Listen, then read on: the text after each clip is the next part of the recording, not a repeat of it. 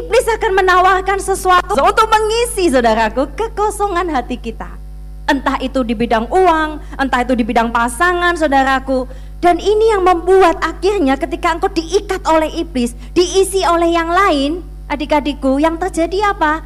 Mata kita menjadi bu, buta terhadap rencana Tuhan. Kita berpikir, ah nggak perlu ah datang ke gereja, Oh, tidak perlu. Ya kalau saya dibimbing oleh kakak pembimbing saya, yang penting pokoknya saya datang ke gereja, rekom, tapi saya nggak perlulah terlalu dalam dibimbing sampai dia tahu seluruhnya. Ada seorang anak tanya sama saya minggu lalu, C, aku punya dosa, dan aku tapi nggak nganggap itu dosa C, tapi ini dosa katanya. Oh gitu, terus gimana? Dia bilang, aku tidak bisa mengakuinya. Begitu dia mengakuinya, saudaraku, dia mau nangis saya bingung ini dosa apa ya Tuhan? Saya sudah mikir sampai saya cerita saudaraku. Semua dosa anak-anak saya yang lebih parah pun saya ceritakan. Saya tetap mengasihi kamu. Saya tetap mengasihi kamu anakku gitu ya. Apa pun dosamu, kita doa, kita berjuang sama-sama. C, kenapa saya harus mengaku dosa? Kenapa kok enggak bisa saya bereskan saja sama Tuhan? Saya bilang enggak sembarang kamu ngaku dosa. Jangan ngaku dosa hal pribadimu kepada teman, tapi kamu mungkin belum percaya, belum terlalu dekat, belum tahu atau bahkan dia belum kenal Tuhan. Jangan saudaraku. Bagaimana Anda bisa terbuka? Yang pertama dengan Tuhan, yang kedua dengan pembimbing rohani. Oleh karena itu Anda perlu memiliki pembimbing rohani. Dia bilang, kenapa aku kok harus ngakui sama Cece? Ya kan aku pembimbingmu. Kenapa nggak bisa akui sama Tuhan aja? Saya bilang, dulu Cece pernah kepahitan sekali. Satu saat pada waktu ibadah, Tuhan bilang, Tuhan gerakkan di dalam hatiku. Berlutut minta maaf. Bisa nggak waktu itu Cece bilang, oh ngapain aku berlutut minta maaf? Yang salah dia kok. Kan bisa dong aku beresin kepahitan dengan Tuhan, betul? Tapi ketika roh kudus bekerja, misalnya dalam ibadah, ketika kita berdoa, ketika kita rekom saudaraku, KTB, Tuhan menggerakkan hati kita melakukan sesuatu. Tuhan menggerakkan kita untuk minta maaf kepada mama kita. Tuhan menggerakkan kita untuk mungkin memeluk pembimbing rohani kita yang sering kita gosipin. Mungkin Tuhan gerakkan hati kita untuk memeluk anak rohani kita. Lakukan saudaraku. Karena ketaatan itu nilainya sangat luar biasa. Ketaatan itu penting loh. Walaupun kelihatannya ngapain ya. Saya bilang sama dia, ngaku dosa. Kalau kamu hari ini kamu mau mau pulih, ngaku dosa. Kemudian akhirnya dia cerita. Dia cerita, ini belasan tahun yang kusembunyikan darimu. Wah. Jangan sudah berpikir aneh-aneh, sudah apa ya? Kemudian dia cerita. Ternyata saudaraku mengaku dosa itu penting. Walaupun setelah mengaku dosa dia bilang gini, Ceh, terus apa yang berubah Ceh setelah selesai? Nothing happen ya, gak ada yang terjadi ya Ceh. Terus Cici bisa nolong aku? Ya enggak. Terus ngapain aku ngaku dosa Ceh? Saya bilang, karena kalau kamu digerakkan Tuhan, lakukan taat saja. Saudaraku kita butuh pembimbing untuk kita didoakan, untuk kita diarahkan sama Tuhan. Apa sih arti dari tertanam saudaraku? Mungkin Anda berkata, Ceh, cukupkah aku datang ke gereja dan aku bisa disebut aku ini tertanam? No, tertanam itu artinya engkau satu visi, engkau betul-betul dimuridkan saudaraku. Itu tertanam. Bukan sekedar engkau datang ke sebuah gereja selesai pulang. Tetapi engkau dimuridkan, hidupmu diopeni saudaraku seperti keluarga. Ketika kamu mau suka sama orang, kamu ngomong sama pembimbingmu itu indah, itu keluarga. Keluarga rohani ya, itu tidak terjadi dengan otomatis saudaraku. Ikatan rohani itu akan terbentuk dengan proses. Nah, saudaraku yang dikasih Tuhan coba kita buka satu ayat saja ya. Yeremia 31 ayat 3. Ayo coba kita buka Yeremia 31 ayat 3. Kita baca sama-sama ya. Dua, yang sudah ketemu katakan amin. Belum. Dari jauh, ya, aku mengasihi engkau dengan kasih yang kekal. Sebab itu,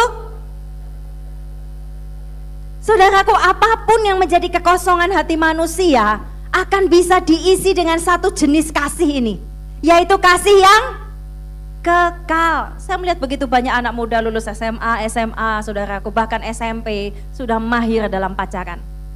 Kalau mungkin dalam tingkat ilmu pacaran saudara dia sudah tingkat 100, ya. Wih, ilmunya luar biasa saudaraku.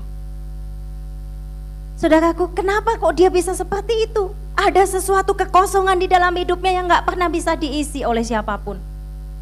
Kita sudah tahu bahwa hanya satu kasih ini yang bisa mengisi kita sudah tahu teorinya, betul? Pada kenyataannya, betul enggak?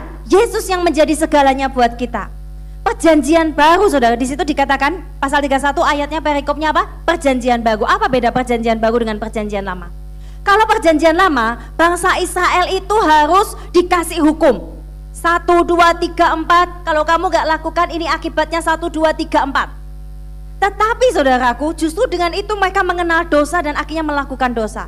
Tetapi di perjanjian baru, roh Tuhan, kasih Tuhan, hukum Tuhan, itu dibilang begini, itu diukir di dalam hati kita. Itu bedanya.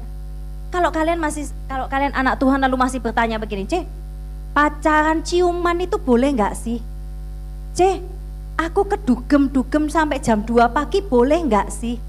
Ini berarti menunjukkan Anda masih belum lahir baru saudaraku.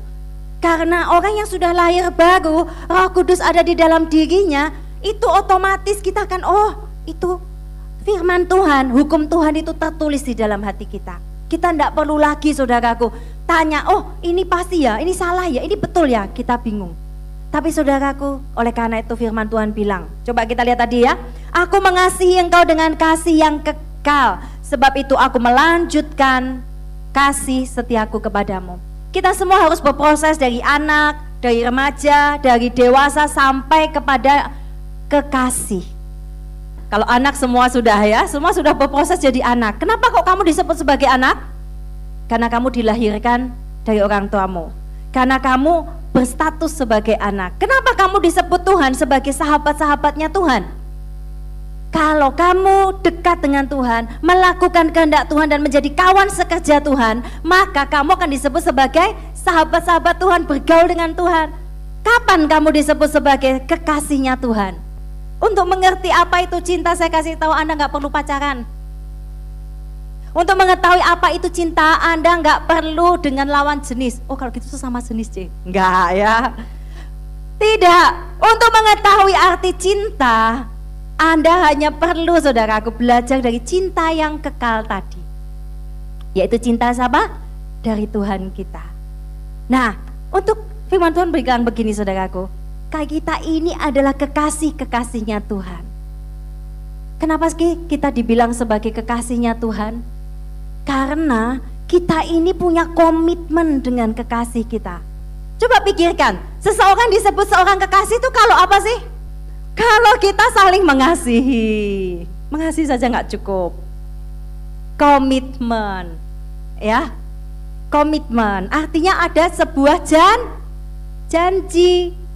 Nggak bisa saudaraku kamu disebut kekasih, ya. Kamu yang cowok juga masih jalan sama cewek-cewek lain, deketi, yang cewek juga masih dideketi orang lain dan tidak menyatakan apa-apa, lalu tiba-tiba kamu kekasihku. Gak bisa saudaraku. Yang disebut kekasih ada komitmen antara kedua belah pihak, ada perjanjian antara dua belah pihak dengan statement yang jelas. Kamu adalah pasanganku. Kamu adalah teman spesialku. Jadi jangan cari spesial-spesial lainnya. Itu komitmen. Demikian juga dengan Tuhan, kita disebut kekasihnya Tuhan kalau kita apa sih? Sudahkah kamu jadi kekasihnya Tuhan? Atau cuma jadi anak saudaraku? Kasihan loh, kalau selama hidup kita sampai kita sudah gede, sudah kuliah gini, kita tuh cuma jadi anak terus. Maunya dimengerti terus. Maunya pinginnya seenaknya dewek terus. Coba kita naik tingkat dong. Jadi sahabatnya Tuhan. Enak jadi sahabatnya Tuhan. Orang yang melayani, belajar melayani, dia sedang belajar menjadi sahabatnya Tuhan. Kenapa, Cek? Karena ketika dia melayani, dia berusaha untuk mengerti kerinduan Tuhan, disakiti, dia tetap mengampuni, Walaupun terdesak dia tetap berkomitmen melayani. Ini dilatih jadi dewasa, dilatih jadi tentara Tuhan, dilatih menjadi kawan sekerjanya Tuhan. Itu bukan lagi anak-anak lagi. Tapi pada satu titik Anda harus naik tingkat lagi menjadi kekasih. Kekasih itu ada komitmen yang sangat kuat. Punyakah Anda komitmen dengan Tuhan? Ayo adik-adikku, teman-teman muda di tempat ini, punya enggak kita komitmen sama Tuhan? Komitmen yang luar biasa. Saya suka dengan sebuah lagu saudaraku. Kalau bicara tentang masalah kekasih ya. Beberapa bulan yang lalu atau setahun yang lalu saya itu menemukan lagu. Lagunya itu judulnya When I Find Him. Ketika aku menemukan dia. diambil dari kitab Kidung Agung, saudaraku, ya.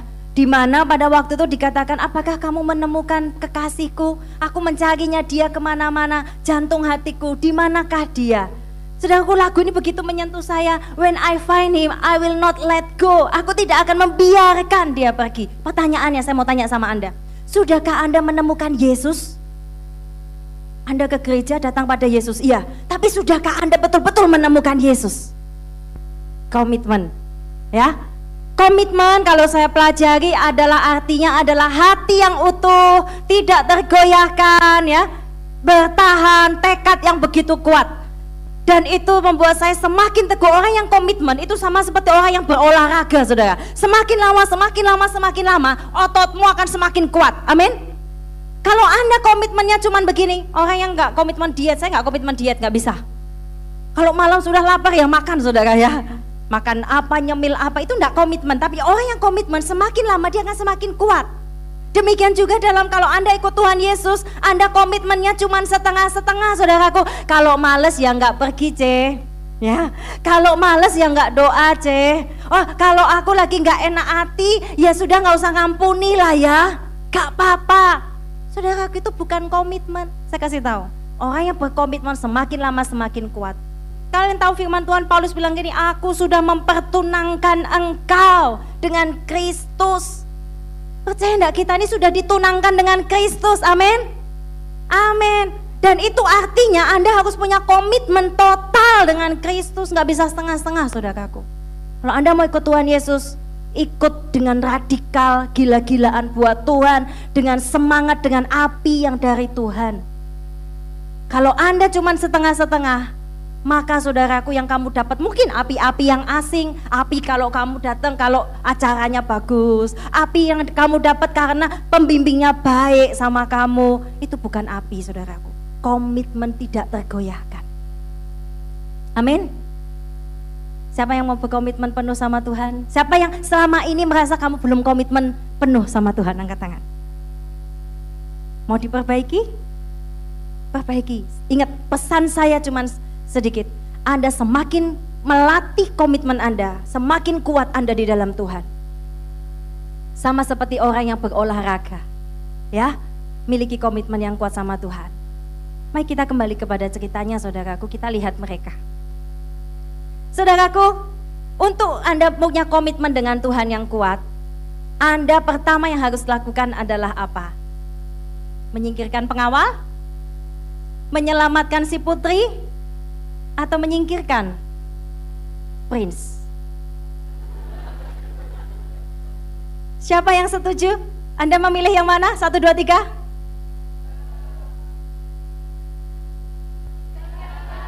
Dua. Selamatkan putri dulu. Tiga, tiga. Berarti Anda harus mengusir Prince. Betul? Ketika Kenapa sih kekosongan itu terjadi saudaraku si si putri ini merasa Tuhan ya melambangkan Tuhan tuh pergi begitu jauh aku nggak bisa lihat. Yang ada yang ada sekarang ya ini. Ya si pangeran yang ternyata mungkin dia adalah orang jahat kita nggak tahu apakah dia orang yang sungguh-sungguh tulus atau tidak saudaraku. Tetapi itulah kekasih-kekasih lain di dalam hidup kita. Karena kita mengatakan Tuhan itu jauh, Tuhan tuh nggak kelihatan loh, kak, gitu ya. Susah untuk lihat Tuhan, tapi kalau yang ini kelihatan. Coba lihat gantengnya bukan main. Ya kan? Kelihatan. Dia yang menemani aku, dia yang kasih aku payung, dia yang kasih aku traktir, dia yang temenin aku jadi gojekku, dan lain sebagainya.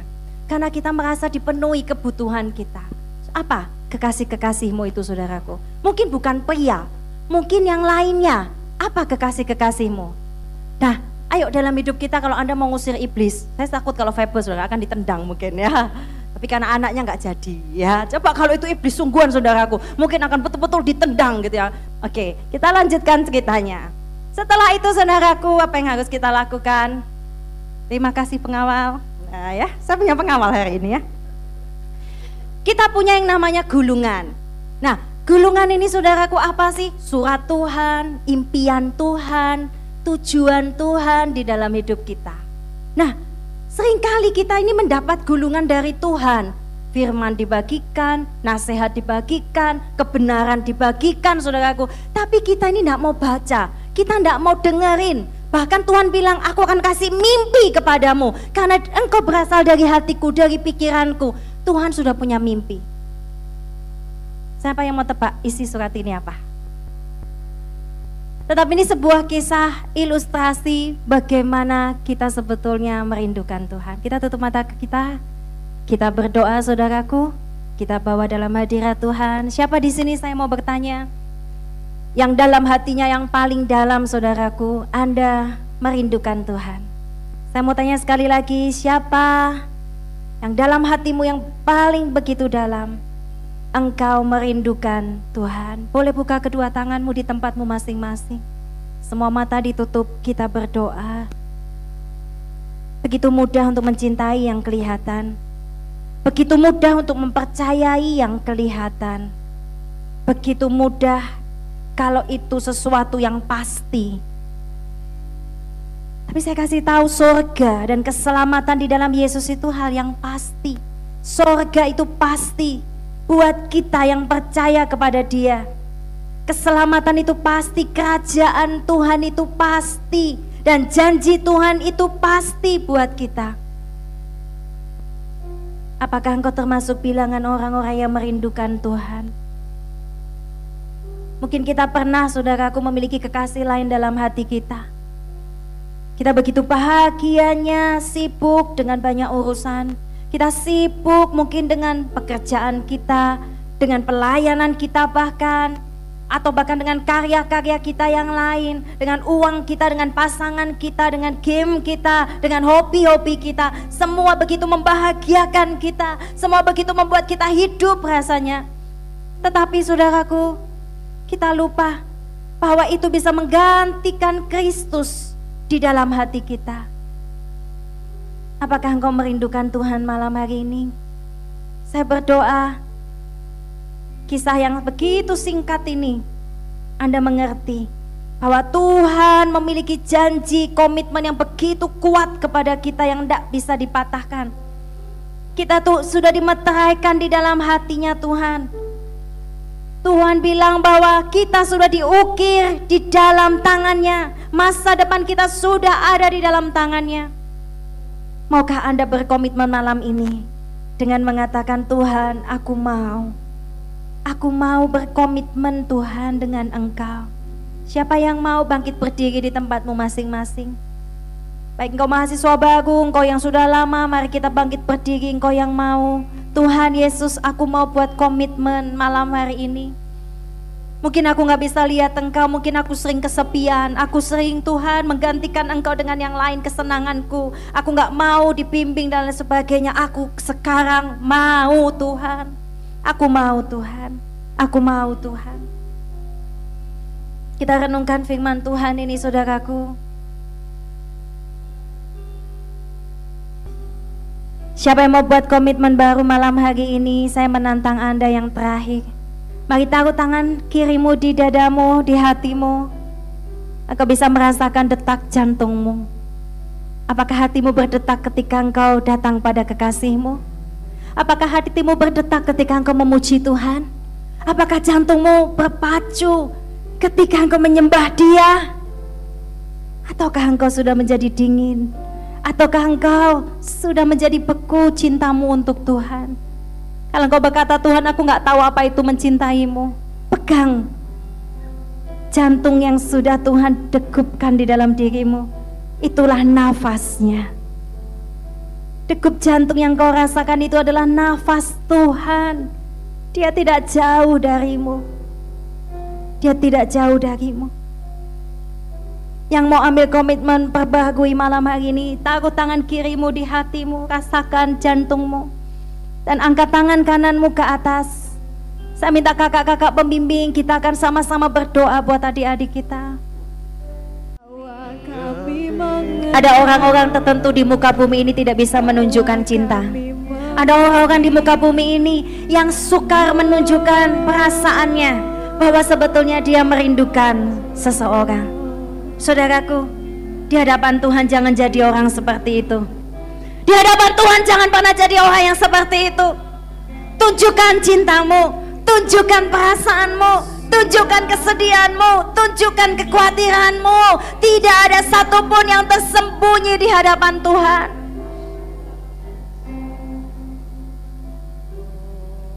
Tunjukkan kerinduanmu. Katakan kepadanya, Tuhan Yesus, aku orang yang sangat kesepian. Aku orang yang kesepian, aku orang yang tidak punya mamah mungkin. Kau berkata Tuhan mungkin aku orang yang gak disayang.